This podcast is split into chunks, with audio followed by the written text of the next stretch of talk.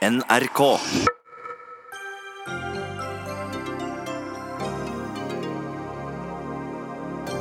Norsk Tipping er lei av at kvinner nedprioriteres i fotballen og viser muskler med å bruke sponsorpengene sine.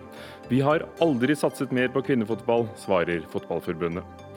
Vi begynner altså med penger og fotball her i Dagsnytt 18, men sender fra NRKs valgstudio utenfor Stortinget, og politikerne kommer. Venstre mener bare en borgerlig regjering er garanti for at Norge blir med på EUs forpliktende klimamål. Vi kan være like strenge utenfor, svarer SV. Og Arbeiderpartiet hevder at likestillingen står på stedet hvil med denne regjeringen, og får støtte i ny rapport. Både Arbeiderpartiet og rapporten skal likestillingsminister Solveig Horne få bryne seg på.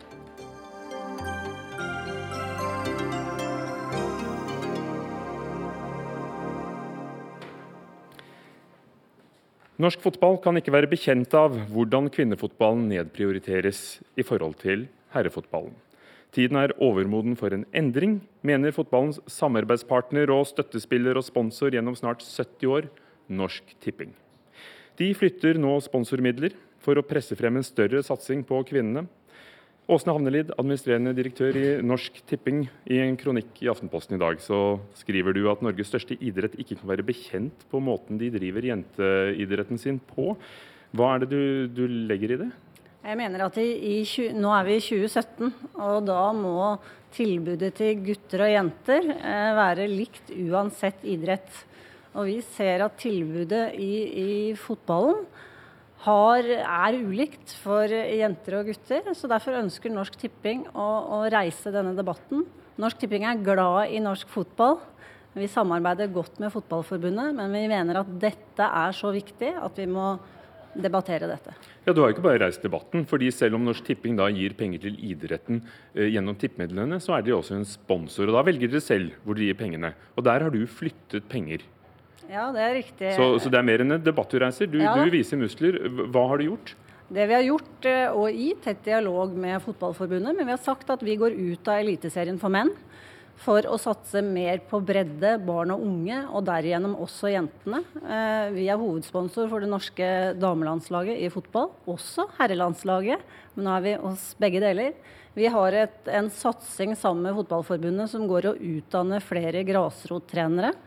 Eh, og også derigjennom å få flere kvinnelige trenere. Sånn at vi, vi, gjør noe konkret i handling, og vi ønsker å gå Og tatt penger fra mannefotball og gitt ja, til, til damefotball? Dame og bredde og barn og unge. Pål Bjerketvedt, generalsekretær i Norges Fotballforbund. Satser dere på kvinnene?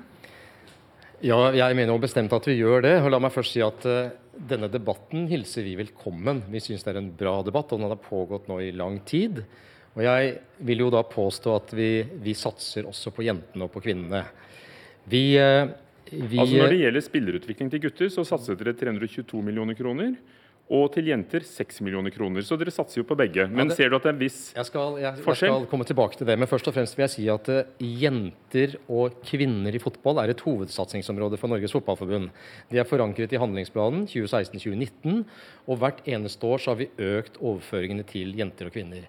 Og så har jeg lyst til å si av de 110 000-15 000 jenter og kvinner som spiller fotball i Norge, så er det nesten, de, nesten, alle, eller i hvert fall en stor andel av disse, er barn og unge. Alt vi overfører, også midler fra Norsk Tipping til breddefotballen, hvor disse tilhører, går til både jenter og gutter. Det er ingen diskriminering. Det er, det er helt likt fordelt. Så det, i den forstand så er det, er det like vilkår. Og Så må jeg også si at jeg Så det er altså ulike vilkår når det gjelder toppfotballen? det er det er du sier da? Mens toppfotballen har noen andre vilkår. Toppfotballen er annerledes i den forstand at det er en helt annen kommersiell dimensjon ved herrefotballen og damefotballen. Det vet vi. Og ikke minst når det gjelder, når det gjelder spillemidlene, som uh, utgjør den virkelig store andelen av inntektene for klubbene. Av spillemidlene så går 75% til toppklubben i Eliteserien og i Obos-ligaen. Og det er penger som de forvalter selv og eier. Og den store forskjellen Altså penger de har tjent på salg av TV-rettigheter, Og den store forskjellen det skyldes i antall utviklingsmidler og trenere. Det ligger særlig i hvordan de ønsker å forvalte de midlene.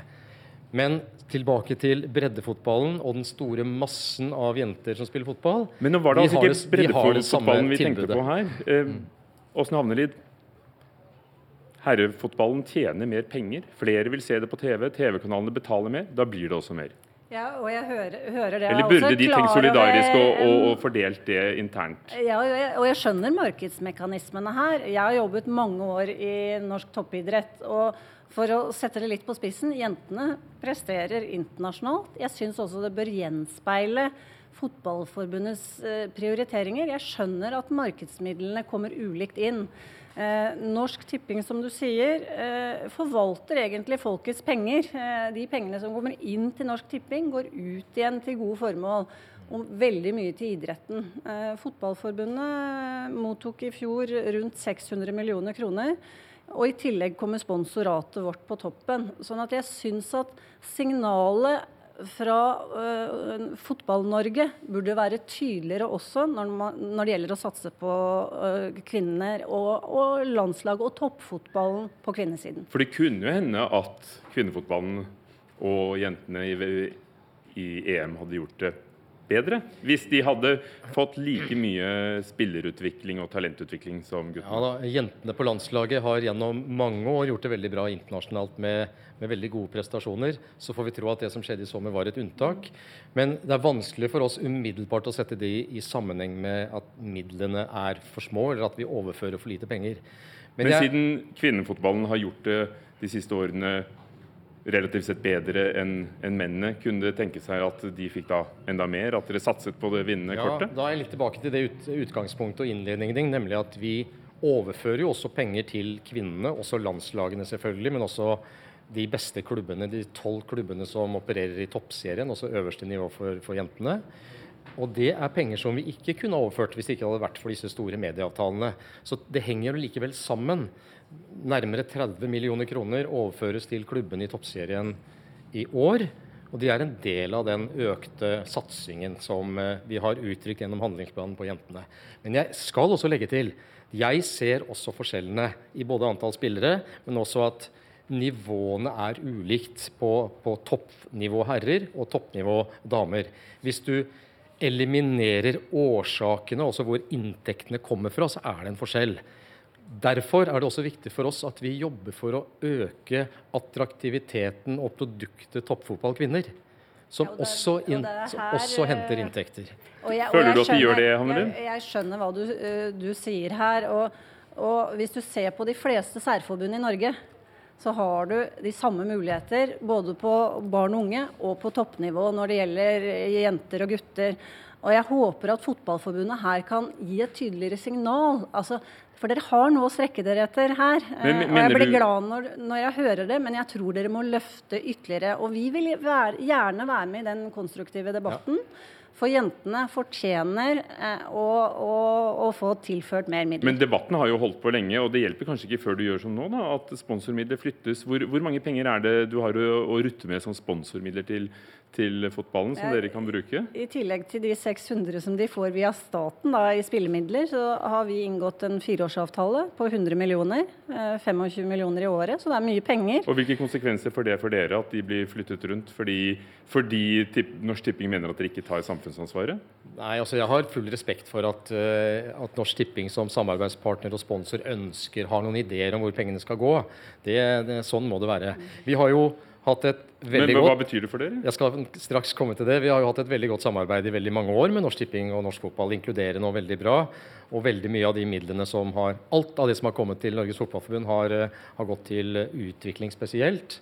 Og sånn vil det fortsatt være. Og så er det jo sånn, også eh, når jeg må nevne det, at for bare to-tre år siden, i en, for, i en prosess med fornyelse av avtalen med Norges Fotballforbund, så ble kvinnesatsingen tatt bort. Så det at dere nå sender ut et signal om å satse den veien igjen, det hilser vi velkommen. Men, men konsekvensene av at de pengene flyttes, hva, hva lider? Nei, det, er, det er det vanskelig for meg å svare på nå. Det er jo ikke gjennomført noen uh, konkrete det, du, vurderinger. Du kom med mange tall i sted og forklarte at dette handler med rettigheter og hvordan klubbene selv og, og toppfotballen kan disponere midlene. Men hvor mye penger er det som ikke er knyttet til spillemidlene og TV-inntekter som dere fritt kan fordele? Og er de, ja, er de likelig fordelt veldig, i dag? Veldig mye av våre midler er bundet opp til faste aktiviteter. Men det er et godt spørsmål, fordi Min jobb er å forvalte de midlene som fotballtinget eller forbundstinget og forbundsstyret har, har, lagt, og de rammene som er lagt. Så det du egentlig reiser, er en politisk debatt. Altså En helt annen debatt som egentlig hører hjemme et annet sted, også på klubb- og, og forbundstingnivå. Hvordan skal vi fordele inntektene våre uavhengig av hvor de kommer fra? Mener du at de har mer spillerom der, Åsne Havnelid? Ja, både der og også. Jeg tror det er viktig at fra, fra fotballtoppene, altså både politisk ledelse og administrativ, sender et tydelig signal ut i, i Klubb-Norge også, sånn at man prioriterer. Jenter og gutter, eh, herrer og damer. altså Når det gjelder tildeling av spilletid på baner osv. For der eh, er det også forskjeller, og der kan signalet fra dere hjelpe, sånn at man løfter mulighetene framover. Ditt signal er i hvert fall helt tydelig mm, til slutt. Eh, verdens beste fotballspiller, Ada Hegerberg, ble det kjent i går, vil ikke spille på landslaget. Er det et symptom på at noe er gærent i kvinnefotballen i Norge, på toppen? Jeg tror vi skal se på det som en personlig eh, beslutning fra Adas side. Og så har ikke jeg tenkt å kommentere den saken i dag, men eh, vi kommer tilbake til den i morgen. Den er håndtert på, skal vi si, på i ledelsen rundt landslaget så, så langt. Men vi måtte spørre. Takk. Pål Bjerketvedt, generalsekretær i Norges Fotballforbund. Åsne Havnelid, direktør i Norsk Tipping.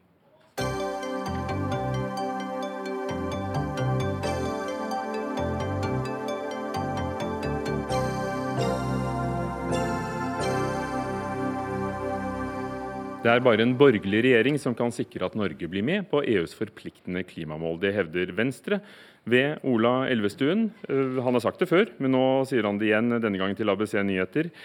Den eneste måte å, å, å, klare å oppfylle ikke bare EUs, men Norges klimamål, er altså å bli med, bli med EU forpliktende. Kari Elisabeth Kaski, stortingsrepresentant fra SV, du er veldig uenig, men EUs ambisjoner om 40% kutt innen 2030 det harmonerer jo med den klimaloven som ble banket gjennom Stortinget bak oss rett før sommeren. Så hvorfor ikke bli med på noe som virkelig ville forpliktet oss internasjonalt?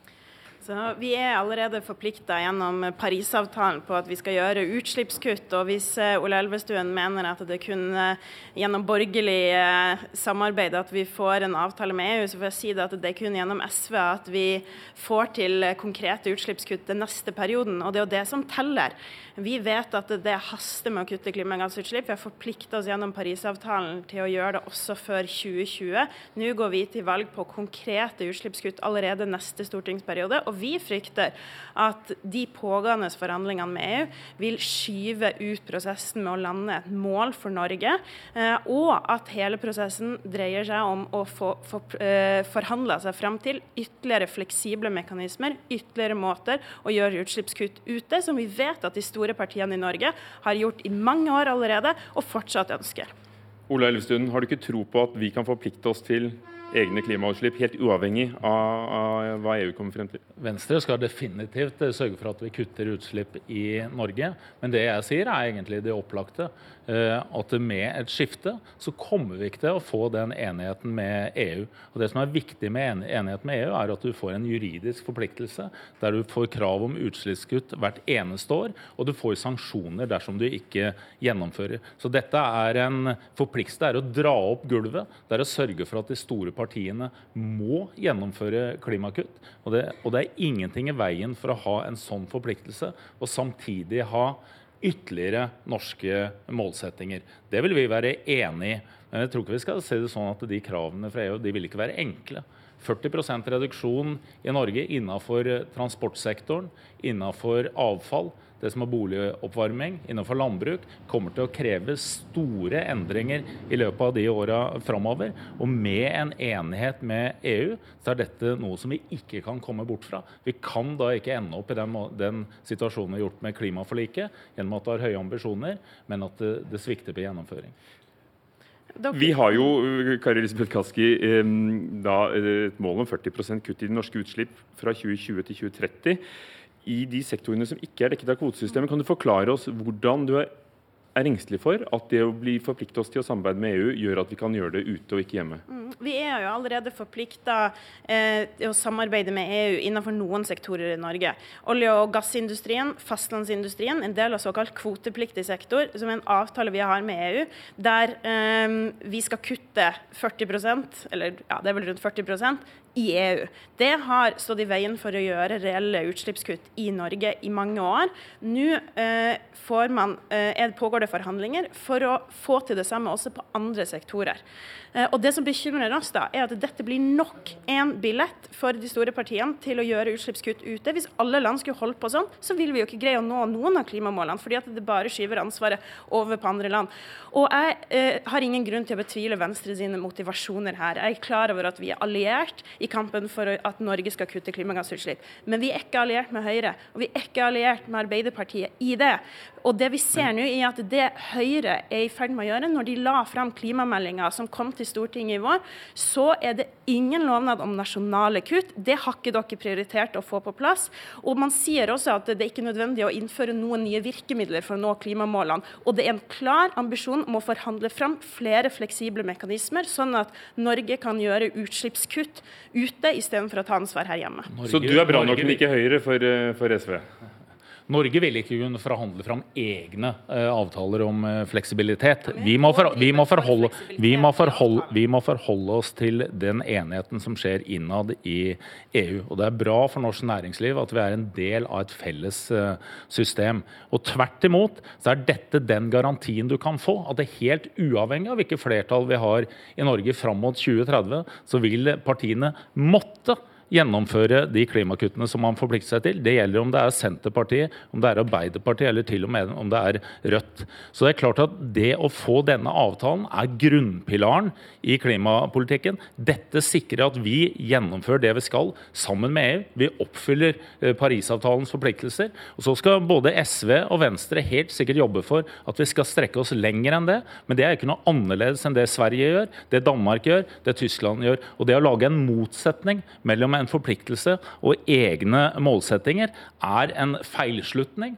Og det er å forlede folk til å, å, tro at dette er noe annet enn det du legger opp til. Dette handler om å få forpliktelsen, og så skal vi ha målsetningen i tillegg. Vil ikke det hjulpet deg i kampen mot de partiene du ikke stoler på? Ja, vi har ikke fått på plass de forpliktelsene. og Det norsk klimapolitikk har øh, opplevd gjennom alle år, er at man setter langsiktige mål som ikke blir nådd. Det er derfor vi, jo, men det er det man har gjort, og det er derfor vi er så utrolig opptatt av at vi nå må sette noen mål for utslippskutt den perioden vi faktisk blir valgt inn på. Så kan man holdes til ansvar for det om Hvor, fire år. Hvordan vil en avtale med EU stå i veien for det? Nei, altså En avtale med EU vil uh, i utgangspunktet ikke stå i veien for det, fordi vi nå Eh, og SV går til valg på at vi må få gjennomført utslippskutt den neste perioden. Men det som skjer nå med den uh, måten man har starta de forhandlingene med EU på, det er at man har ikke satt et nasjonalt mål. Vi vet ikke hva utslippene i Norge skal være i 2030. Det vet vi ikke. Det vet ikke uh, de som skal velges inn på Stortinget. Det har man ikke vedtatt på Stortinget i denne perioden.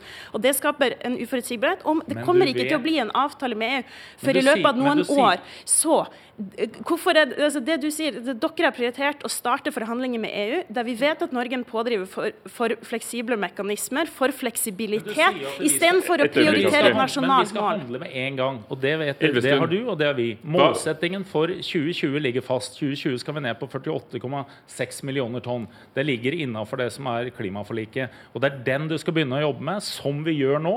I år så er det reduksjon i, i, transportsektoren. Endelig begynner vi å se at vi får disse utslippskuttene også i Norge. Og det er ingen motsetning mellom det og inngå en avtale med EU. Hvor langt er vi kommet i forhandlingene? Og den hvor pågår, mye den pågår i EU. Kan vi påvirke dette er, jo, dette er jo ikke Norge som forhandler, dette er nå de 28 landene som forhandler seg imellom. Men vi forhandler om hvor den skal ligge. Det er snakk om å legge den som et tillegg til EØS-protokollen f.eks. Ja, vi kommer til å måtte si ja eller nei til det regelverk som EU ble enige om. Og Hvordan kan du forplikte deg til å si ja eller nei til noe dere ennå ikke vet hva er? Akkurat på samme måte som Portugal eller Italia kommer til å forplikte seg på en felles gjennomføring av klimamålene og klimapolitikken i EU. Men de er med å påvirke det, for de er faktisk i EU? Ja, Vi må bruke den posisjonen som vi har innenfor EØS-samarbeidet. Bruke de allierte vi har i Sverige og Finland for å påvirke. Det gjør regjeringen også nå. Når denne enigheten er på plass, så er det helt klart det er i vår interesse at norsk næringsliv får det samme regelverket som resten av Europa. At vi forplikter oss på samme måte og sikrer at dersom du bruker fleksibiliteten Det vil være uenighet om. Politikken blir jo ikke borte. Så sikrer du utslippskutt i Europa. Med SV sitt eh, forslag så vil, dersom du ikke når målene i Norge, så vil du fortsette som man gjør før. At du kjøper eh, kvoteklubb utenfor, kutt utenfor Europa som du ikke kjenner effekten av. Forplikta gjennom Parisavtalen, men husk på de andre landene i Europa har satt nasjonale mål. Det har vi ikke gjort i Norge, og det har ikke dere bidratt til å få på plass. Hva var det klimaloven sa da? Var ikke det nasjonale mål? Nei, ikke nasjonale mål som må nås i Norge, nei. Og Det er jo det vi har kritisert, det måten man har jobba med klimapolitikk på Stortinget de siste årene. Og Vi har fortsatt ikke satt et nasjonalt mål, og det mener vi er ufattelig viktig. At vi nå begynner å kutte utslipp i Norge. Utslippene har ikke gått ned, de står stille gjennom de siste fire årene. Og bare husk på, avtalen som vi har hatt med EU for olje- og gassindustrien og for fastlandsindustrien, har stått i veien for å gjøre storstilte utslippskutt i oljeindustrien. Den største utslippssektoren som vi har, og økt utslippene med 80% siden 1990. La oss ikke ta sektor for sektor, men nå er det altså sånn at på borgerlig side så har dere forhandlet og vil fortsette med eh, en avtale med EU, mens Arbeiderpartiet sa for en måneds tid siden at det er slett ikke sikkert at de vil gå inn for det. Så det, så det blir et, et valg mellom to modeller? Det er et tydelig retningsvalg. Enten så er den borgerlig side, da vil du få en enighet med, med EU. Blir det den andre sida, så kan jeg aldri tenke meg at SV vil det. Senterpartiet vil ikke ha det inn i EØS. Arbeiderpartiet har ikke viljen til å overkjøre de andre to. Og Får du Arbeiderpartiet med på å være like streng som du har lyst til? SV kommer til å stille konkrete krav om å kutte utslipp i Norge. Vi er mye mer opptatt av at vi skal kutte utslipp i Norge, enn at vi skal bruke lang tid på å forhandle fram en avtale med EU. Ikke mer tid nå. 2020 ligger fast, og de skal vi gjennom. Ola Elvestuen fra Venstre. Kari Elisabeth Kaski, stortingskandidat fra SV.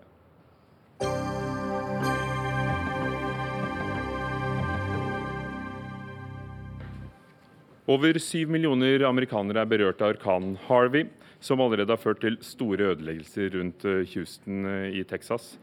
18 personer er omkommet. Tallet er eh, ventet å stige. Og vi hører at det kraftige regnet har begynt å avta i Houston, men at det nærmer seg Louisiana. Tove Bjørgaas, eh, vår USA-korrespondent. Eh, du er på plass eh, i Houston. Hvordan var det å gå ut i morges? Nå skinner faktisk sola her da, for første gang på fem-seks dager. og Det er det jo veldig mange som er veldig glad for. Akkurat nå så sitter jeg på motorveien inn til sentrum for første gang. Det har vært helt umulig å komme seg inn dit fra der vi var nord for byen. Men nå er veiene åpne en del steder. Og Da er det også lettere å få se litt mer av hva det er som faktisk har skjedd på disse øyene som millionbyen Houston nå er blitt. Hvilke konsekvenser har det fått for, eh, for folk? Vi hørte at det var portforbud i rammede områder for å unngå plyndring av forlatte hus. Det er jo veldig dramatisk for veldig mange som har fått hjemmene sine ødelagt. Men hele dette samfunnet er nå, altså alt har vært stengt. Skolene er stengt. Mange skoler er blitt tatt i bruk som evakueringssentre. Eh, og det kommer sikkert ikke til å åpne på en stund. Butikker har vært stengt, eh, og nå begynner folk å, i dag å kunne dra tilbake noen som har fått ødelagt hjemmene sine. Og da vil det selvfølgelig begynne et enormt opprydningsarbeid. Men 30% av denne byen har altså vært delvis under vann. Eh, så mange snakker om at det kommer til å ta år å bygge opp igjen, og at det blir den dyreste gjenoppbyggingen i amerikansk historie. President Donald Trump har vært på besøk, riktignok ikke der hvor redningsarbeidet pågikk, for ikke å forstyrre. Men er folk fornøyd med det som gjøres av redningsinnsats, og, og, og hvordan infrastrukturen har fungert? Jeg har ikke hørt veldig mange skjelle på myndighetene her. Men det som jeg har hørt, er jo at alle de jeg egentlig har snakket med så langt, har blitt reddet ut av private. At de har ringt nøddommerne, men ikke kommet fram. Og til slutt har de funnet en venn av en venn med en liten jolle som har kommet og reddet dem ut. Så det har vært en enorm frivillig innsats her. Folk har kommet kjørende med båter fra Dallas. Alle som har en liten gummibåt, har, har bidratt. Og det har nok hjulpet veldig.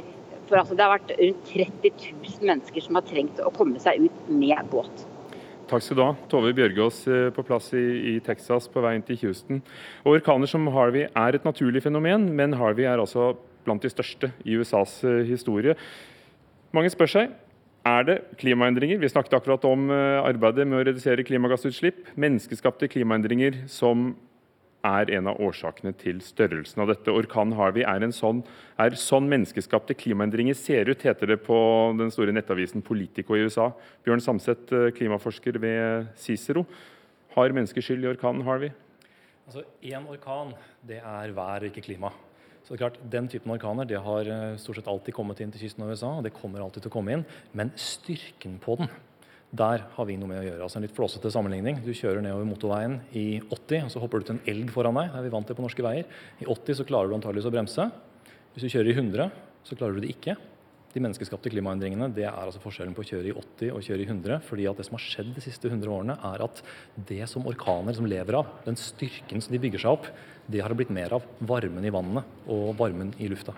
Ja, hva skjer? Hvor, hvorfor er det som du sier at de blir sterkere fordi klimaet forandrer seg? Vi tenker hva, hva skal til for å, for å bygge en orkan? Da må du først ha varmt havvann. Det vet vi det. Det er starten på en, på en orkan.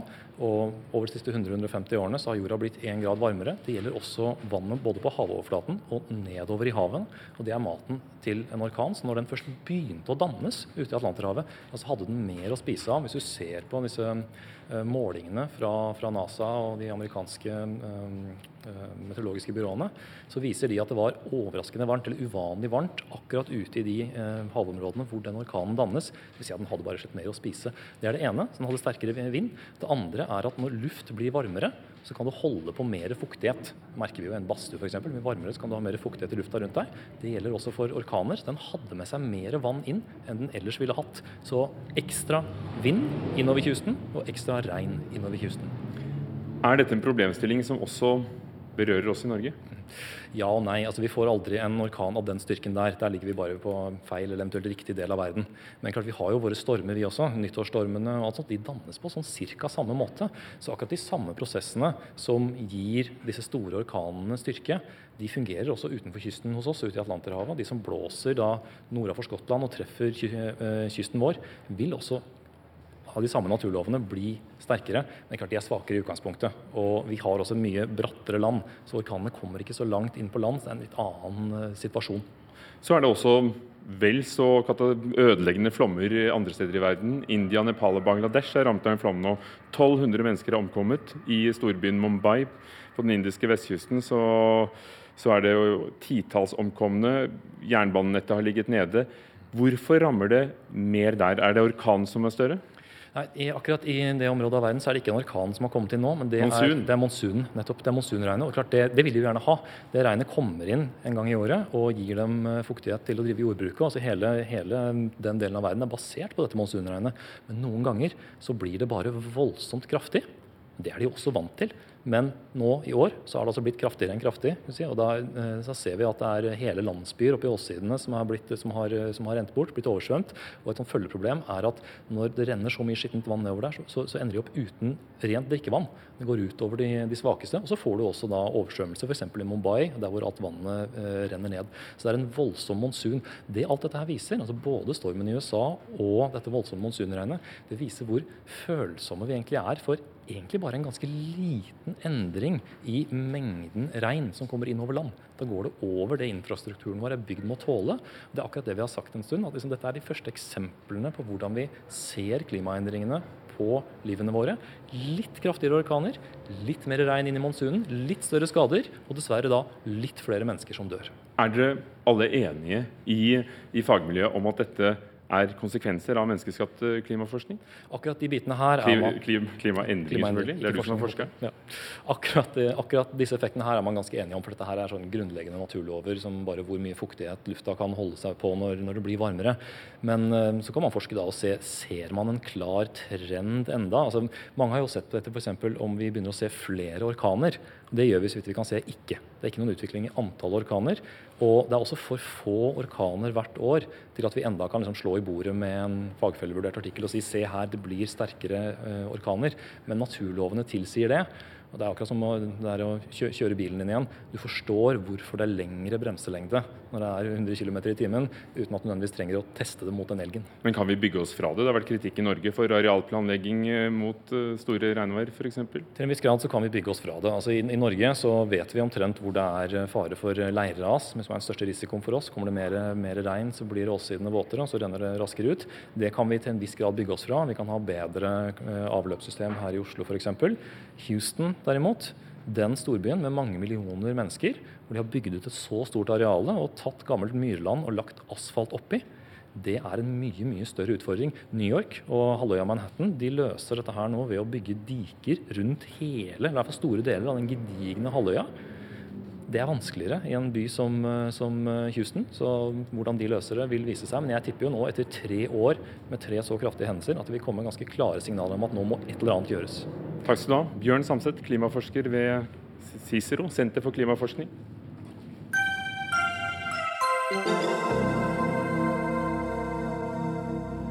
Det skal handle om eh, skatten, som er et hett tema i valgkampen.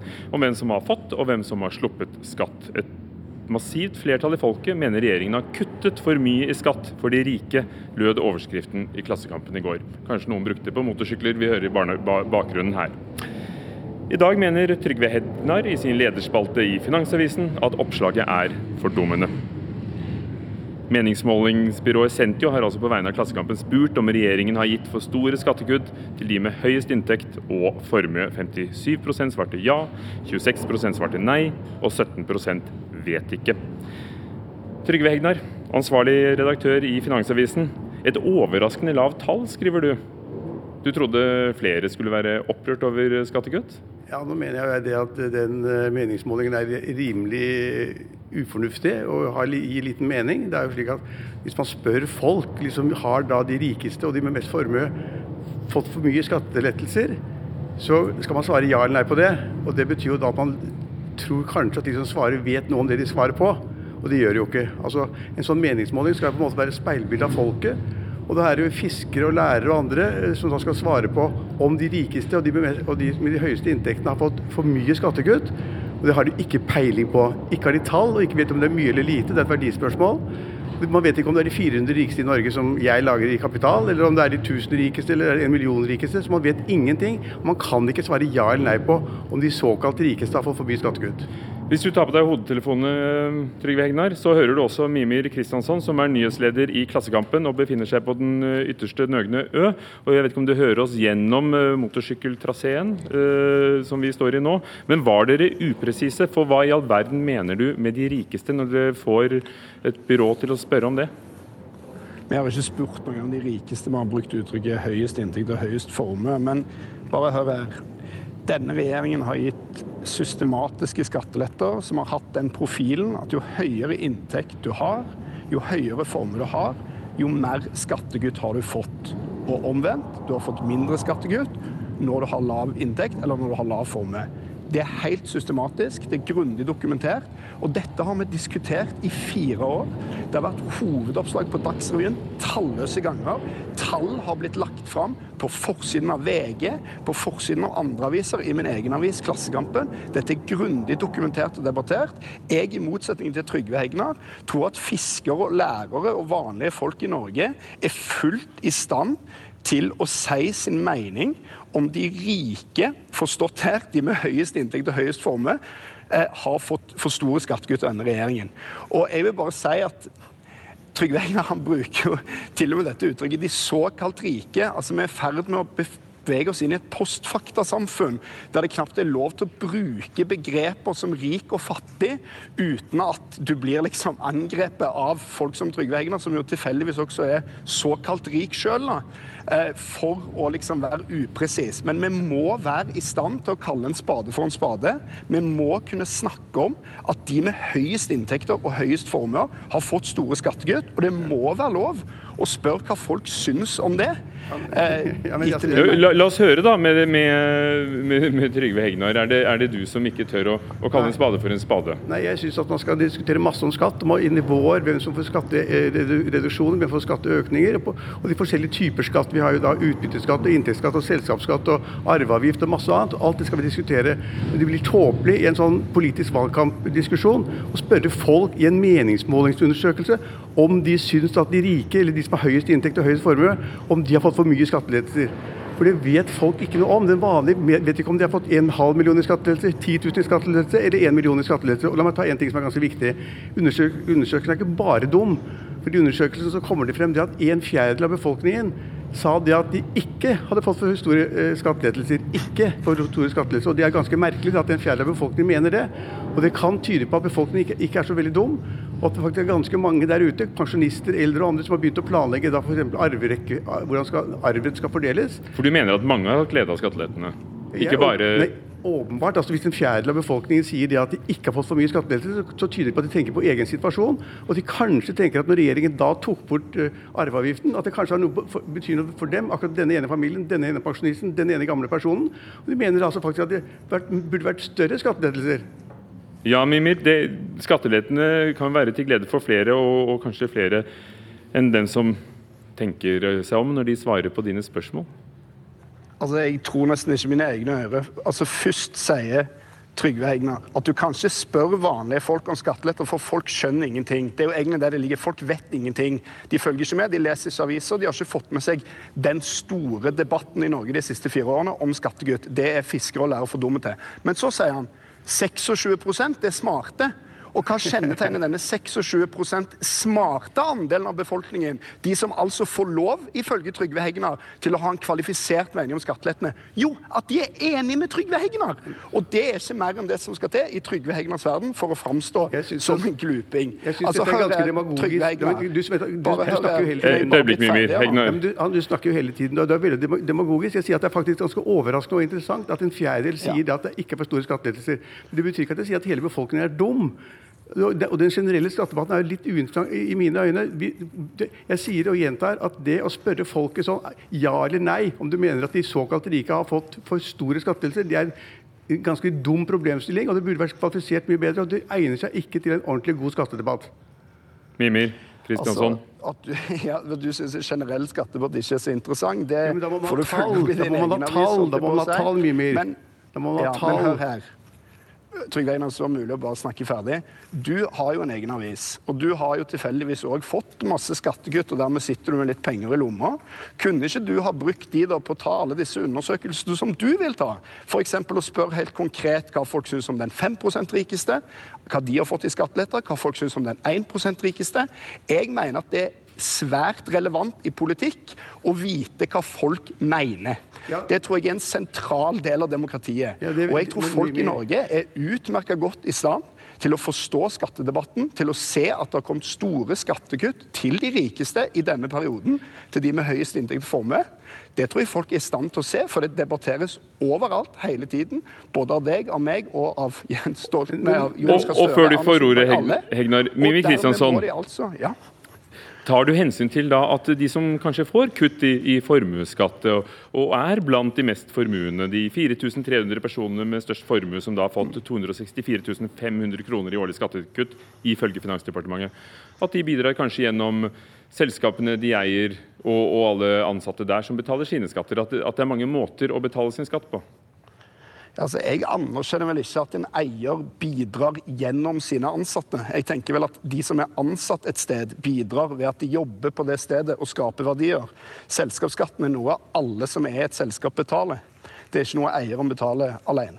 Jeg syns den meningsmåling som dere i Klassekampen hadde, var meningsløs og var lite fruktbar. Hvilke nå- ville du stilt? Ja, men- spørsmål ville du stilt? Ja, Mimi kom litt fremover nå, var litt bedre enn han var i sted. Han sa det at man kunne spurt da om f.eks. de 5% rikeste eller 3% rikeste, om de hadde fått for mye store skattelettelser. Men folket vet jo ikke hva de har fått. I en sånn meningsmåling får man ikke frem hva de egentlig har fått, og hva man egentlig svarer på. Det er ja eller nei til ha, ha, Tror du at de har fått for mye skattelettelser? Ja eller nei? Og det kan man ikke svare på. Det, det er usaklig. Og så prøver vi mye, mye mer å lage en sånn generell debatt om formuesskatt og for mye skatt, og de rike betaler lite eller mye skatt, og hva de fattige betaler og ikke betaler i skatt. Men det er ikke det det går om. Det jeg sier er at Den meningsmålingen var ukvalifisert, den var dårlig, lite eh, meningsfull, og det burde være bedre. Og Hvis Mimi trenger hjelp i fremtiden, skal jeg hjelpe ham både med penger og, fag, og faglig støtte. Jimmy Ja, Kristiansson, nei takk til den du vet hvor du kan ringe. Ja takk til pengene, for å si det sånn. Men bare så det er sagt, det Trygve Hegnar mener, er jo ikke at vår meningsmåling er dårlig det han mener, eller ukvalifisert. Det han mener er at folk er for dårlige eller for ukvalifiserte til å vite hva skattekutt denne regjeringen har gitt. Ja, men til og det enkeltpersoner så mener det ikke er helt folk er. Folk kan, Ja, altså, ikke, folk kan jo ikke svare på konkrete personer og grupper. Når de får enkle spørsmål Synes du at regjeringen har gitt for store skattekutt til de som har høyest inntekt og formue? Det er et ukvalifisert spørsmål. Nei, det mener jeg ikke. Det mener jeg er et høyst kvalifisert spørsmål, som jeg syns det er interessert å høre hva folk vet, synes om. Det er utrolig vel dokumentert at denne regjeringen har gitt Ja, men det går ikke om hva denne regjeringen har ment, det går med en Takk meningsmåling. Det går med en meningsmåling. Takk skal dere ha, begge to. En nydelig meningsmåling som Bernefør merker seg. Mimi Kristiansson, nyhetsleder i Klassekampen. Trygve Hegnar, ansvarlig redaktør i Finansavisen, for at dere begge kom til Dagsnytt 18 i dag.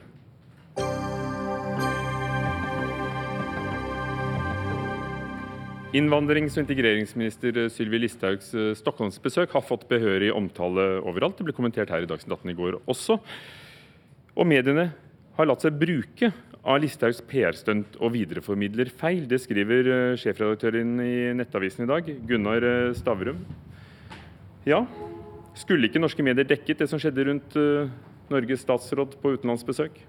Jo da, jeg, bare, jeg, jeg reflekterer jo på en måte over hvordan medias rolle i forhold til Sylvi Listhaug er. Og og jeg refererer til mediene. Nettavisen er jo med på dette. Vi var jo der, vi også. Men det er jo sånn eh, Vi ble invitert til å være med Sylvi Listhaug til Rinkeby. Eh, alle mediene vet at det der er et valgkampstunt. Eh, og alle blir med. Og vi bidrar egentlig til hennes eh, PR-jippo. Det, det var grunnpoenget mitt. Men hun sier det ikke var et valgkampstunt. Dette var en reise departementet hadde arrangert. og for å, for å lære, og så var det da en svensk statsråd, hennes kollega, som avlyste mens hun satt på flyet. Ja, og Det er vel knapt uh, ikke hennes sosiale rådgiver engang som vil tro på den versjonen. Det er åpenbart et valgkampstunt. Som det er et valgkampstunt å dra på et gamlehjem eller i en barnehage eller på en bedrift i disse dager. Det du også reagerer på, er at uh, norske medier i fete typer videreformidlet uh, Sveriges største avis, Aftonbladets artikkel om at kilder i svensk UD, det var også det vi kommenterte her i går, påsto at, at, at den norske regjeringen på et eller annet vis hadde advart svensk UD om hensikten og motivene bak Listhaugs besøk. Er det en nyhet vi ikke skulle videreformidlet og latt Aftonbladet være alene om? Altså det, det, det, er jo ikke en nyhet, for det var jo ikke sant. Eh, I dag er jo den uh, påstanden ettertrykkelig demontert både fra svensk og norsk side. Det at en noe en anonym kilde sier blir dementert offisielt, betyr det at den ikke er sann? Ja, I dette tilfellet her så er den eh, ikke til å tro på. Eh, og der syns jeg vi på en måte svikt. Altså Det at vi var med Sylvi Listhaug til, til, Sverige, det er noe sånn politisk valgkamp fungerer. Men det at vi, vi alle ukritisk eh, formidler videre en nyhet som hadde formodninger mot seg, det er helt utenkelig at den norske regjeringa skal under hånden kontakte den svenske regjeringa for å advare mot en statsråds besøk i Sverige. Hvis den norske statsministeren ikke hadde ønska at Sylvi Listhaug skulle dra til Sverige, så hadde hun fått beskjed om å holde seg hjemme. De hadde ikke ringt under hånden til Sverige. Så du tror ikke på den historien? Jeg tror ikke det minste på den historien. Gard Steiro, ansvarlig redaktør i VG. Har du, har du latt deg bruke av, av Listhaugs PR-stunt på den ene siden, og videreformidlet sludder fra svenske Aftonbladet? Ja, La meg begynne med det siste.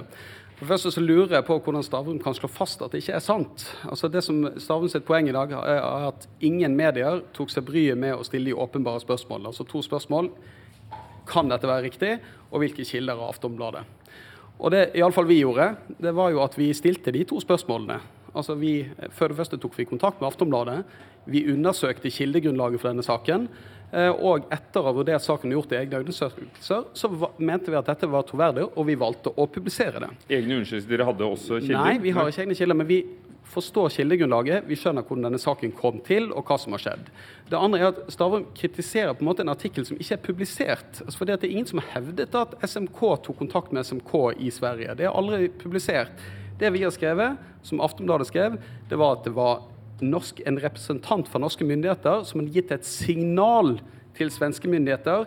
Det blir beskrevet som personer med god kjennskap til det diplomatiske arbeidet.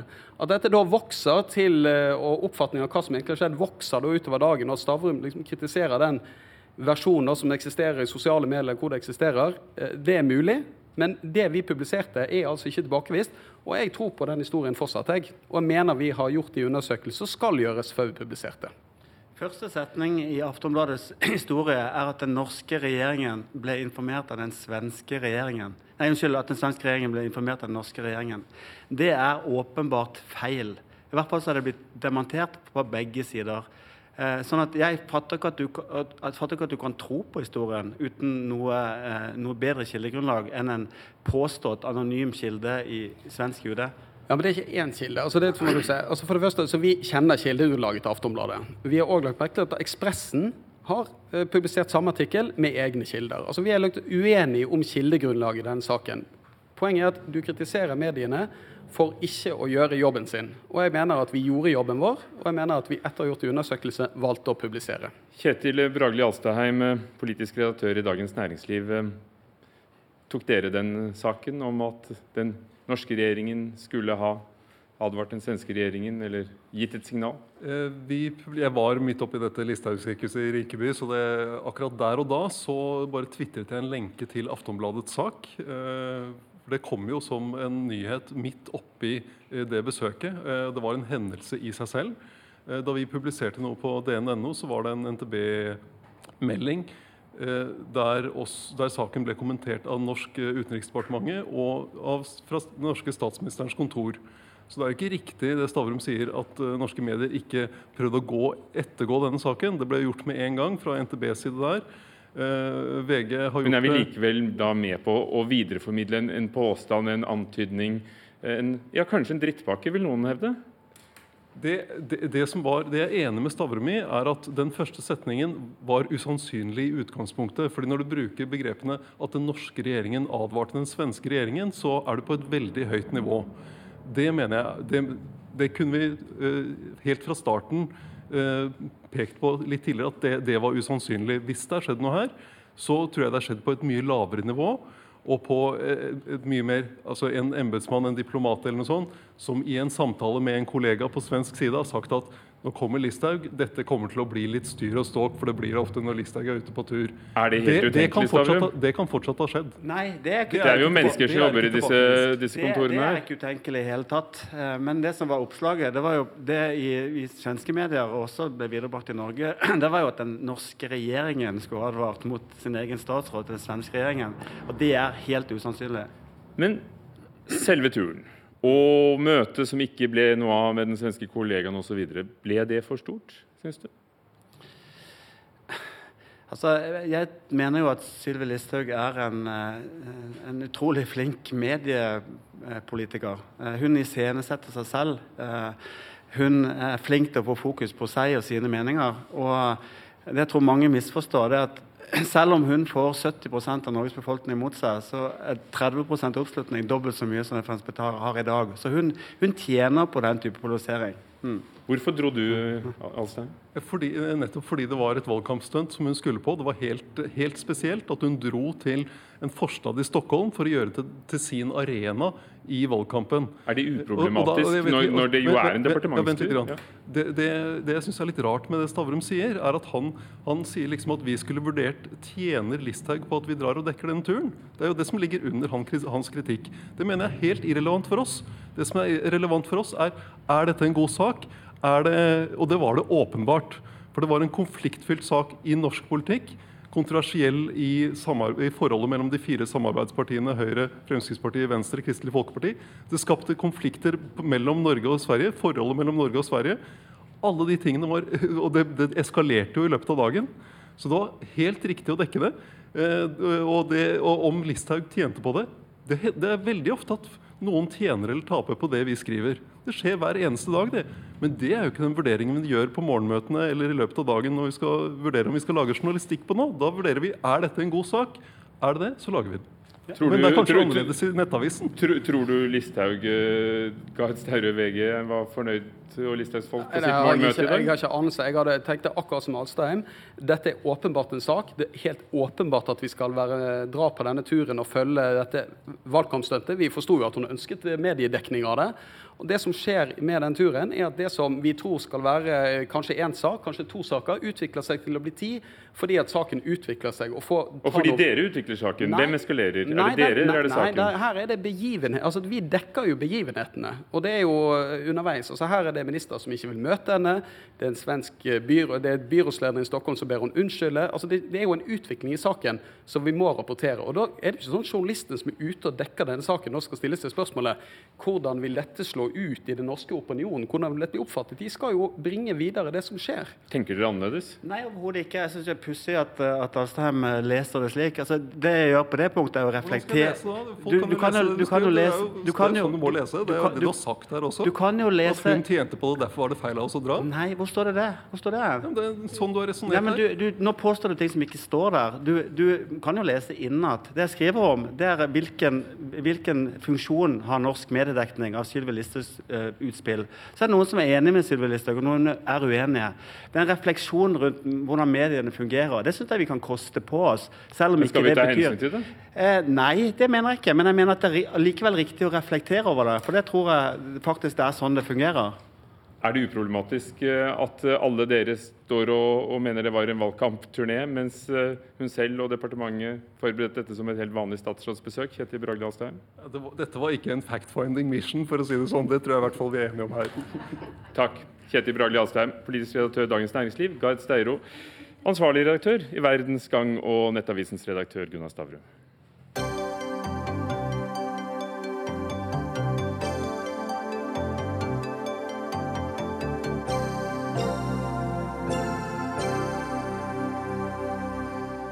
Går likestilling tilbake med Høyre og Fremskrittspartiet i regjering? Ja, hevder eh, 22 organisasjoner som har vurdert likestillingsarbeidet i en ny rapport som skal overleveres eh, til FNs kvinnekomité. Og dette har, kommisjonen har, har sett på hva som har skjedd siden 2012. Dette er en såkalt skyggerapport som er utarbeidet på vegne av det sivile samfunnet i Norge, og, og vurderer hvordan vi gjør det å, i arbeidet med å nå FNs eh, mål som eh, de har formulert i kvinnekonvensjonen. Gro Lindstad, daglig leder i Forum for kvinner og utviklingsspørsmål, Fokus. Hva er hovedfunnene dine? Vi påpeker at det har skjedd eh, ting siden forrige gang Norge var inne og rapporterte til eh, på eh, FN-konvensjonen om diskriminering av kvinner. Eh, hvis vi ser på denne perioden etter rapporteringen i 2012, så har jeg noen punkter. Eh, I 2013, etter at vi fikk denne nye regjeringen, så lanserte de et forslag om reservasjonsrett på abort. Der reagerte kvinner så sterkt, og eh, samfunnet ellers, at man heldigvis trakk den i 2014. Men det er en tydelig forsøk på å trekke noe tilbake. I 2014 så reduserte man fedrekvoten fra 14 til 10 uker. Tilbakeslag. I 2015 så eh, innførte man endringer i arbeidsmiljøloven eh, om økt tilgang til bruk av midlertidige ansettelser. Og i 2017 så har man gått inn og endret på Altså vi har en treårsregel som gjør at man må ha bodd i Norge i tre år, vært gift for å få opphold på selvstendig grunnlag. Denne regjeringen har ønsket å utvide den til fem år. Det fikk de ikke medhold i. Det de nå har gjort, er at de har lagt inn et inntektskrav på 240 000. Som betyr at dette i stor grad rammer kvinner. Kvinner som er utsatt for vold i forhold, Og som ikke tør å gå og fra som mannen tør å gå fra mannen sin.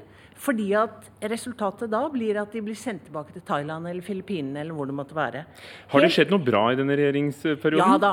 ikke sant? Og dette, altså, dette er jo ikke en rapport hvor vi bare er opptatt av å rakke ned på regjeringen. Dette er en rapport hvor vi faktisk skal se på hva skjer med norsk kvinne- og likestillingspolitikk.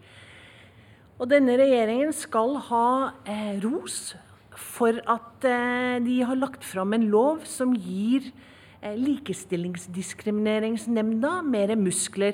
Og at vi nå for første gang får en mulighet til også å gi økonomisk kompensasjon til kvinner som eh, blir anerkjent som å ha saker hvor de har blitt diskriminert. I tillegg så har denne regjeringen også styrket satsingen på forskning på vold mot kvinner.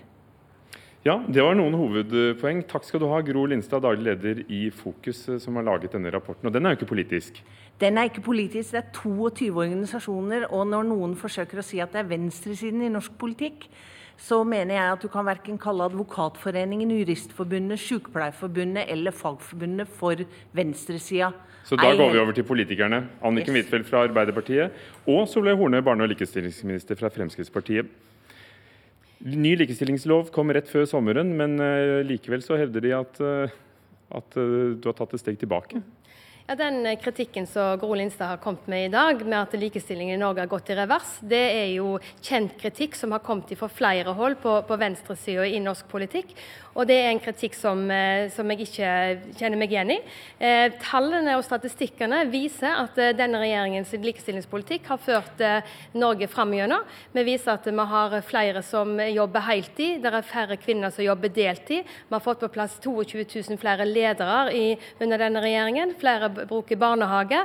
Og den satsingen som vi har gjort på å løfte vold mot kvinner som en stor likestillingsutfordring, det arbeidet som vi har gjort på det området sammen med Venstre og KrF, det har vi altså ikke gjort før uh, vi satte i gang det. Og så er det den berømmelige fedrekvoten som vi har snakket om før. Uh, der viser tallet altså at færre fedre tar ut uh, foreldrepenger enn de gjorde i 2015. Erna Solberg er skuffet over norske menn. Monica Mæland, næringsministeren, sier at hun er åpen for å gi far flere uker igjen. Hva mener du som barne- og likestillingsminister? Jeg synes det er veldig fint at denne regjeringen har eh, virkelig tro på familien og tro på at foreldrene klarer å fordele denne foreldrepengeordningen selv. Vi har økt fellesandelen.